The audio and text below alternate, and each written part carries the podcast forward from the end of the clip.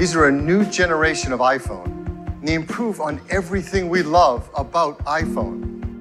Apple kondigt vanavond de allernieuwste iPhone aan. En als de geruchten kloppen, wordt deze zonder lader of oortjes geleverd. Om de elektronische afvalberg te verkleinen, zegt het bedrijf zelf. Maar hoe zit het eigenlijk met onze elektronische afvalberg? En moeten we onze toestellen allemaal wat langer gebruiken? Het is dinsdag 13 oktober. Ik ben Niels de Keukelare en je luistert naar de podcast van de Standaard.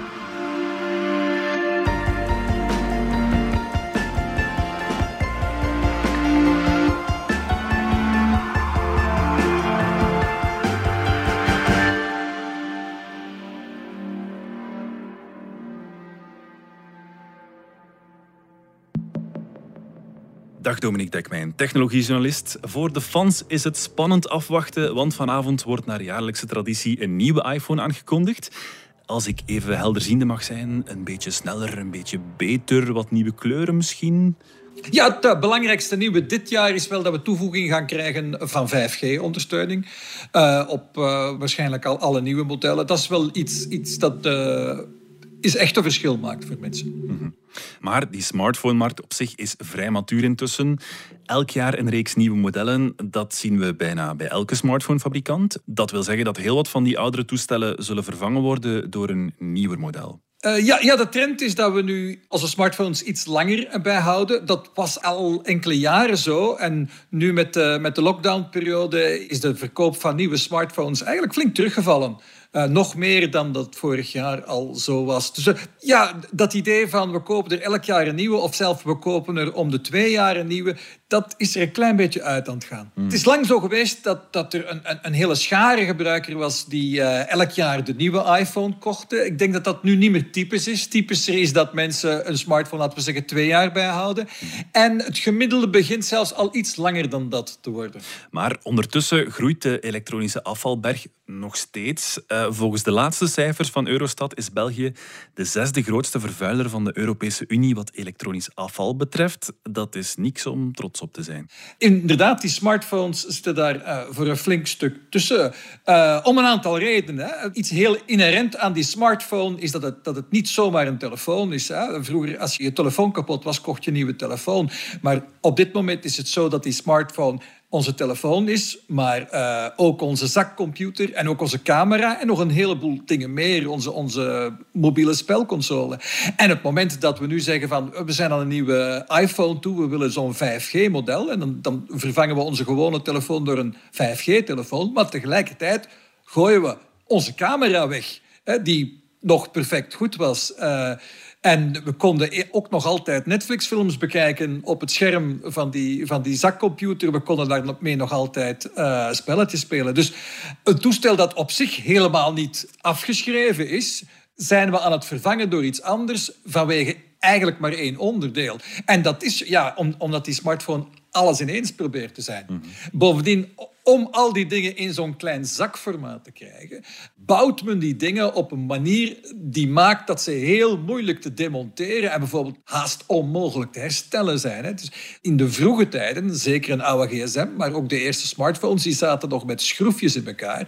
Maar tegenwoordig is het zo dat die meestal gelijmd zijn, gewoon om ze platter te krijgen, lichter te krijgen. Ja, ja. En dat maakt ze dus moeilijker te herstellen, waardoor je sneller ze moet weggooien en vervangen door een nieuwe. En het maakt ook moeilijker om ze te recycleren. Mm-hmm. Komt er dus op neer dat de elektronische afvalberg uh, blijft groeien.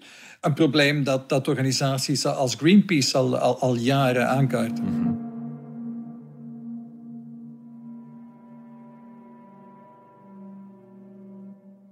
Dominique, wat kunnen de producenten doen om die elektronische afvalberg te verkleinen? Wel, je zou natuurlijk verwachten dat, uh, dat ze in de eerste plaats proberen te zorgen dat je een smartphone langer kunt blijven gebruiken. Hè. Maar dat ligt duidelijk heel moeilijk, want hoewel dat er dus van de gebruikers duidelijk vraag is om een telefoon langer bij te houden. Mhm. Je ziet bijvoorbeeld steeds meer belangstelling ook uh, voor tweedehands toestellen. Het hoeft echt niet die van vorig jaar te zijn. Maar in de praktijk is dat vaak heel moeilijk, omdat de fabrikanten die oudere toestellen eigenlijk laten vallen. Ze ondersteunen die niet meer. Uh, zodat je er bijvoorbeeld ook niet de, de, nieuwste versies van Android, het besturingssysteem, uh, Apple, voor Apple iOS is dat iets beter, maar zeker in de Android-wereld, uh, waar de meeste goedkopere telefoons zich bevinden, daar is het zo dat het toestel na maximum twee jaar eigenlijk geen nieuwe software meer krijgt. Mhm. Wat ook betekent dat het uiteindelijk niet meer zo veilig is om te gebruiken. Want beveiligingsgaten worden dan ook niet meer, uh, niet meer opgelost in die, in die oudere toestellen. Dus eigenlijk doen de fabrikanten er heel weinig aan om te zorgen dat je een toestel langer kunt blijven gebruiken, terwijl ze dat wel zouden kunnen. Net dit jaar zien we dat sommige fabrikanten kleine stapjes zetten. Bijvoorbeeld Samsung heeft, heeft onlangs gezegd dat ze voor sommige van hun smartphones, en eigenlijk alleen voor de duurdere modellen, dat ze daar uh, drie jaar software-updates voor gaan leveren. Dat wil zeggen dat je dat toestel na drie jaar nog altijd op een veilige manier kan gebruiken. Maar daarna is het ook wel gedaan. -hmm. Trendwatcher Herman Konings gelooft er alvast niet helemaal in. Het is haast onmogelijk te verwachten dat de grote big tech bedrijven meegaan met het idee van we gaan onze producten een langere levensloop geven. Omdat dat een gigantische impact gaat hebben op hun inkomsten. Wat echt uit te sluiten valt in mijn ogen, is dat die uh, big tech bedrijven zeer doordringende maatregelen gaan nemen om effectief, laten we zeggen, een wezenlijk verschil te maken. En toch is er ook een fabrikant die het anders aanpakt, die er naar streeft om eerlijke smartphones te produceren. Ik ben Bas van Abel, ik ben de oprichter van Fairphone. Fairphone is een, uh, is een bedrijf dat is opgericht om te zorgen dat de hele keten, uh, inclusief uh, de telefoon zelf, verduurzamen. Wij zijn bezig met mijnbouw, hè, om dat te verduurzamen, arbeidsomstandigheden, maar ook de manier waarop grondstoffen worden gewonnen. Uh, we zijn actief op de fabrieken, hè, dus de manier waarop uh, de devices gemaakt worden. Wat vind jij van Fairphone, Dominique? Fairphone is echt een, een heel merkwaardig bedrijf, Nederlands bedrijf. En ze zijn echt in een gat in de markt gesprongen. En het vreemde is dat eigenlijk niemand anders daarin heeft durven springen. voor een stuk zijn ze hebben ze dat eigenlijk een beetje te vroeg gedaan. Hun eerste Fairphone zat, zat gewoon niet goed. En op dat moment, hè, vier, vijf jaar geleden, was het ook nog niet zo dat je een toestel kon maken en echt verwacht dat de mensen dat jarenlang gingen blijven gebruiken. Maar ondertussen zijn de smartphones toch weer net dat beetje meer matuur geworden. Mhm. En zijn mensen er ook klaar voor om te zeggen van, god, dat toestel van twee jaar, zelfs drie jaar geleden, dat kan nog wel even voort. Het is nog snel genoeg voor wat ik doe. Het evolueert allemaal niet meer zo snel. Mhm. Het lijkt wel alsof de tijd is aangebroken voor iets als Fairphone. En vooral ook, de toestellen zijn repareerbaar. Je kan het zelf doen, je kan onderdelen vervangen, je kan je camera upgraden, dat soort zaken. Dat is wel mogelijk met zo'n telefoon. Ja, tot op grotere hoogte dan bij andere toestellen. Het is, het is inderdaad zo dat andere toestellen uh, offeren die herstelbaarheid van het toestel vaak op aan proberen het zo dun en licht mogelijk te maken. Dus door, uh, door te lijmen in plaats van de dingen in elkaar te schroeven, mm. bijvoorbeeld. Hè. Je ziet dat Fairphone dat niet doet heeft uiteraard ook het gevolg dat dat toestel er ja, wat lomper uitziet dan, ja. uh, dan de duurdere smartphones die je de winkel koopt. En ja, dat is een bewuste keuze, daar kun je dan ook niks aan doen. Dus ja, hij is wat, wat groter, wat zwaarder ja, dan je gewoon bent.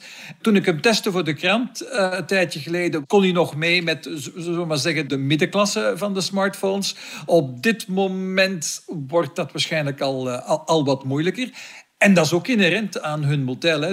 Ze proberen een model enkele jaren in de markt te houden. Ja. Wat ze wel hebben gedaan, dat vind ik echt opmerkelijk, en dat hebben we eigenlijk uh, ja, nog nooit gezien, is dat ze nu een Fairphone 3 Plus hebben uitgebracht. En dat is gewoon dezelfde uh, Fairphone 3, maar met een andere camera. Mm -hmm. Maar als je de Fairphone 3 gekocht hebt, kan je ook die camera loskopen en die steek je er gewoon bij. En dat is, dat is gewoon uniek, dat hebben we nog nooit gezien. Ja, ja. Ja, maar wat Fairphone doet, draait vooral om de duurzaamheid van hun toestel. Hè? Ja, ze proberen het eigenlijk uh, allemaal juist te doen. En daarmee maken ze het zich natuurlijk absoluut uh, niet gemakkelijk. Hè? Want niet alleen proberen ze een toestel te maken dat meer herstelbaar is, proberen ze het langer in de markt te houden, langer te onderhouden, proberen ze te maken dat je bepaalde onderdelen kunt upgraden. Ze proberen het dan ook allemaal nog eens te keer de onderdelen op een ethisch verantwoorde manier bij elkaar te krijgen. Ze leggen de lat voor zichzelf heel hoog en daar zijn ze in het verleden ook een paar keer in gestruikeld. Mhm.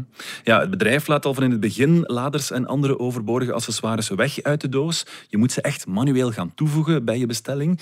Dat zien we nu wellicht ook gebeuren bij de nieuwe iPhone. Uh, ja, ik denk dat we die twee dingen toch niet zomaar uh, gelijk mogen stellen. Hoor. Fairphone is hier al, al jaren mee bezig, uh, om duidelijk ecologische redenen. Ze gebruiken dat ook als een verkoopsargument, hè, want ze verkopen hun toestellen relatief duur, juist omdat ze met die dingen rekening houden. Ik denk, met Apple is hier toch iets anders aan de hand. In de eerste plaats zijn ze nu aan het proberen de prijs van de iPhone wat lager te houden. Hè, omdat ze enkele jaren geleden hebben ze die prijs flink opgetrokken. En toen bleek dat de verkoop niet volgde. Hè, dus dat heel wat kopers dat toch net het trapje te hoog vonden. Toen hebben ze vorig jaar de prijs van het basismodel iPhone terug een beetje naar beneden gehaald. En in diezelfde logica proberen ze die prijs laag te houden door bijvoorbeeld wat dingen uit de doos te laten. Ik denk dat dat toch wel de hoofdoverweging is die meegespeeld heeft. Mhm. Ja, bij Fairphone draait het wel degelijk om een verschil te kunnen maken. Dat hebben ze ook gemeten, eh, gaf Bas van Fairphone onlangs aan. We hebben zelfs een, eh, een, een onderzoek gedaan destijds naar hoeveel het scheelt in de CO2-footprint, eh, dus in, je, in de, afdruk die een toestel heeft. En het, uh, het scheelde echt significant. Hè, iets van 10, 20 procent in de afdruk van het hele toestel. 30 procent minder dan een vergelijkbaar toestel waarbij je een lader ook uh, meelevert. Ja, wat is eigenlijk de rol van Europa in het beperken van elektronisch afval? Wel, Europa heeft er enkele jaren geleden bij de fabrikanten van smartphones op aangedrongen dat ze allemaal dezelfde lader gingen gebruiken. En dat was toen echt een nijpend probleem. Hè.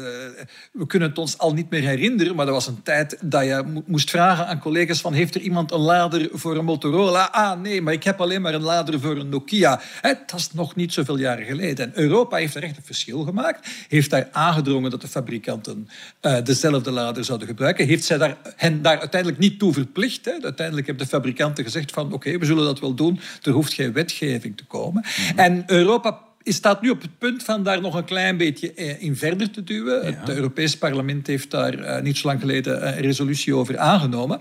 Het is wel, wel degelijk de bedoeling van Europa om nog verder te gaan in het afdwingen van uh, standaard laders voor smartphones. Wat nog iets anders is dan te zeggen van als, als het toch allemaal dezelfde is, hoef je hem niet meer in de doos te steken. Maar uiteindelijk zit diezelfde logica er wel in. Ja.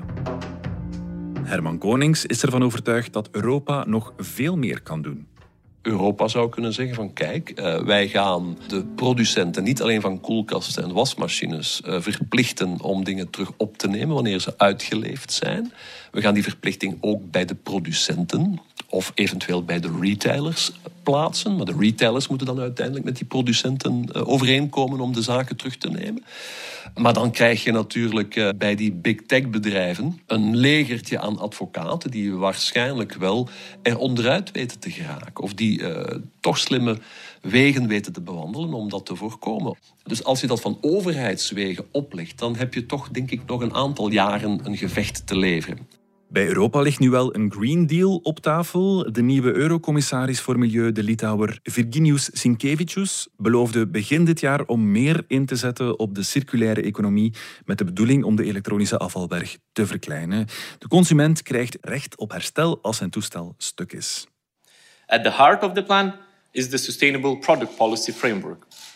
We want to make sure that products placed on EU market are designed to last longer to be easier to repair and upgrade, easier to recycle, and easier to reuse. Consumers will be better protected with a genuine right to repair. This will be a game changer for consumers that currently have no other real option but to throw away dysfunctional products. We will be giving more power to consumers through better information about products and services. When you have information that is trustworthy and reliable, you can avoid greenwashing much more easily.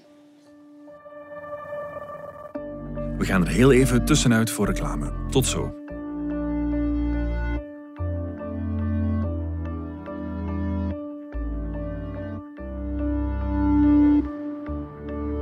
Als je kunt starten met vandaag bij een organisatie gaan zeggen van oké, goed, we gaan een hoop van de beslissingen die op managementlagen of op CEO-levels naar beneden, of op de werkvloer zetten, ja, gaat er heel veel veranderen. En alles beweegt. Een podcast waarin Vlaamse CEO's en prominente HR-managers vertellen hoe ze hun onderneming en werknemers in beweging houden. Beluister de reeks op jouw favoriete podcast-app. VDHB en alles beweegt.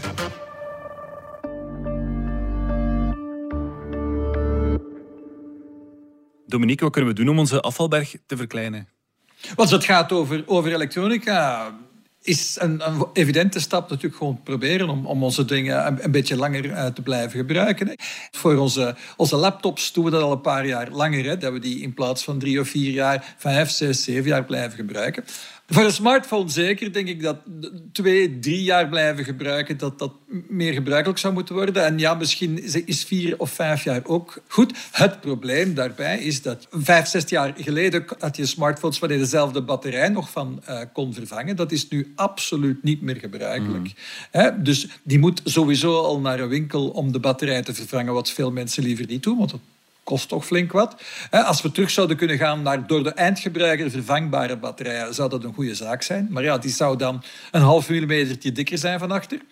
Beeldscherm kan soms nog hersteld worden, maar behalve de batterij vervangen en een kapot beeldscherm vervangen, echt herstellen van smartphones is er gewoon niet bij, behalve misschien voor de allerduurste toestellen. Hmm. Dus de industrie uh, wil gewoon niet mee. En, en, mm -hmm. en, dan de software vooral langer up-to-date houden. Want nu is het gewoon zo dat, dat een, een, smartphone na twee jaar eigenlijk van software niet meer geupgrade wordt. Dus de nieuwe versies van Android komen op zo'n Android-telefoon niet meer binnen. Wat wil zeggen dat het toestel fundamenteel onveilig is. Nu, dat kun je wel oplappen. Dat heb ik me door een veiligheidsspecialist laten vertellen. Stel dat je die telefoon toch drie jaar, vier jaar wil gebruiken. Als je er dan een beveiligingsapp bovenop uh, installeert, zoiets als een gratis app als Bitdefender, mm -hmm. dan kun je dat nog wel een jaartje langer veilig blijven gebruiken. Het is echt heel simpel. Als je twee keer zo lang met een toestel doet, of met een tv, of met wat dan ook, dan hoef je ook maar de helft van het aantal dingen te maken. En dan heb je ook de helft van het afval. En het is zo dat de meeste uh, ellende al gedaan is bij het maken van deze producten dus de hoeveelheid water, de CO2-uitstoot, het land wat door de mijnbouw ja, verwoest wordt, dat is al gebeurd op het moment dat je het toestel in je hand hebt. Dus het meest logische is dat ding zo lang mogelijk houden. en heel veel bedrijven die zetten nu in op recycling. Want recycling is relatief veilig, want dat, dat knaagt niet aan je businessmodel. roepen dat mensen langer hun producten moeten gebruiken is natuurlijk oeh, een beetje eng. Maar zeggen van, joh, wij halen ze wel terug nou, ik kan je zeggen, op dit moment uh, worden de meeste telefoons die we terughalen, uh, die worden bij, in, bij worden ze in een oven gegooid, worden ze verbrand en dan halen, ze, halen we er nog een beetje mineralen uit. Nou, dat is eigenlijk gewoon een hele domme manier om nog om te gaan met al die waardevolle uh, componenten die we allemaal gemaakt hebben. Trendwatcher Herman Konings vindt dat er vooral moet gesensibiliseerd worden. En daarin spelen ook de scholen een grote rol, zegt hij. Zowel op het vlak van milieubewustzijn, waar dat steeds groter wordt. En waarin ook trouwens eh, scholen aandacht besteden op zich. Als op het vlak van wat de big tech producten aan impact hebben op een samenleving. Ik denk bijvoorbeeld alleen maar aan eenzaamheid bij jongeren doordat sociale media uiteindelijk heel veel jongeren het gevoel geven dat ze niet uh, op kunnen tegen de rest van de wereld, denk ik dat er nood is aan uh, een lessenpakket dat ook in de eindtermen bij voorkeur wordt opgenomen rond consumentenhygiëne. Van uh, hoe ga ik als consument op met de producten die ik koop? Dus niet alleen op het vlak van, van, van product cycle en recycleren van, van, van, de, van de, de, producten die we gebruiken. Maar ook uh, waar komen de producten vandaan? Hoe worden ze vervaardigd? En wat is de impact daarvan op, op de planeet en op de mensheid in het algemeen? Ja, het is morgen International E-Waste Day. Dominique, een goed moment om er met jouw kinderen eens over te babbelen. Ja, ja, ik denk dat de kinderen daar wel voor openstaan. Hè. Mijn dochter heeft wel graag een redelijk nieuwe smartphone, maar het hoeft ook allemaal niet uh, het duurste merk te zijn. En mijn zoon die gebruikt nu een smartphone die ik zelf twee jaar gebruikt heb. Die is meer gefocust op zijn pc, dat, uh, dat je daar een beetje snel op kunt gamen. Dus ik denk niet dat het zo is dat al die kinderen nog zo gebrand zijn op het nieuwste en het duurste en, hmm. en, en het topmerk. Volgens Konings krijgen jongeren vaak de schuld van de groeiende elektronische afvalberg. En dat is niet terecht. Er wordt vaak met een beschuldigende vinger naar de jeugd gekeken, maar je moet dat niet overschatten. Uh, het is niet alleen een kwestie van we willen hip zijn en snel ook een nieuwe smartphone of een nieuw kabeltje of een nieuwe laptop. Uh, dat zie je over alle generaties heen, zeker jonger dan 80 jaar. Ik ben een even grote lafaard als consument dan laten we zeggen 80, 85 procent van de consumenten. Er is maar een goede 15, 20 procent van de consumenten die durven te zeggen: ik weer mij tegen uh, kapitalisme of ik weer mij tegen de big tech bedrijven. Dus ik ga persistent niets consumeren van bedrijven die uiteindelijk het niet goed voor hebben uh, met de maatschappij.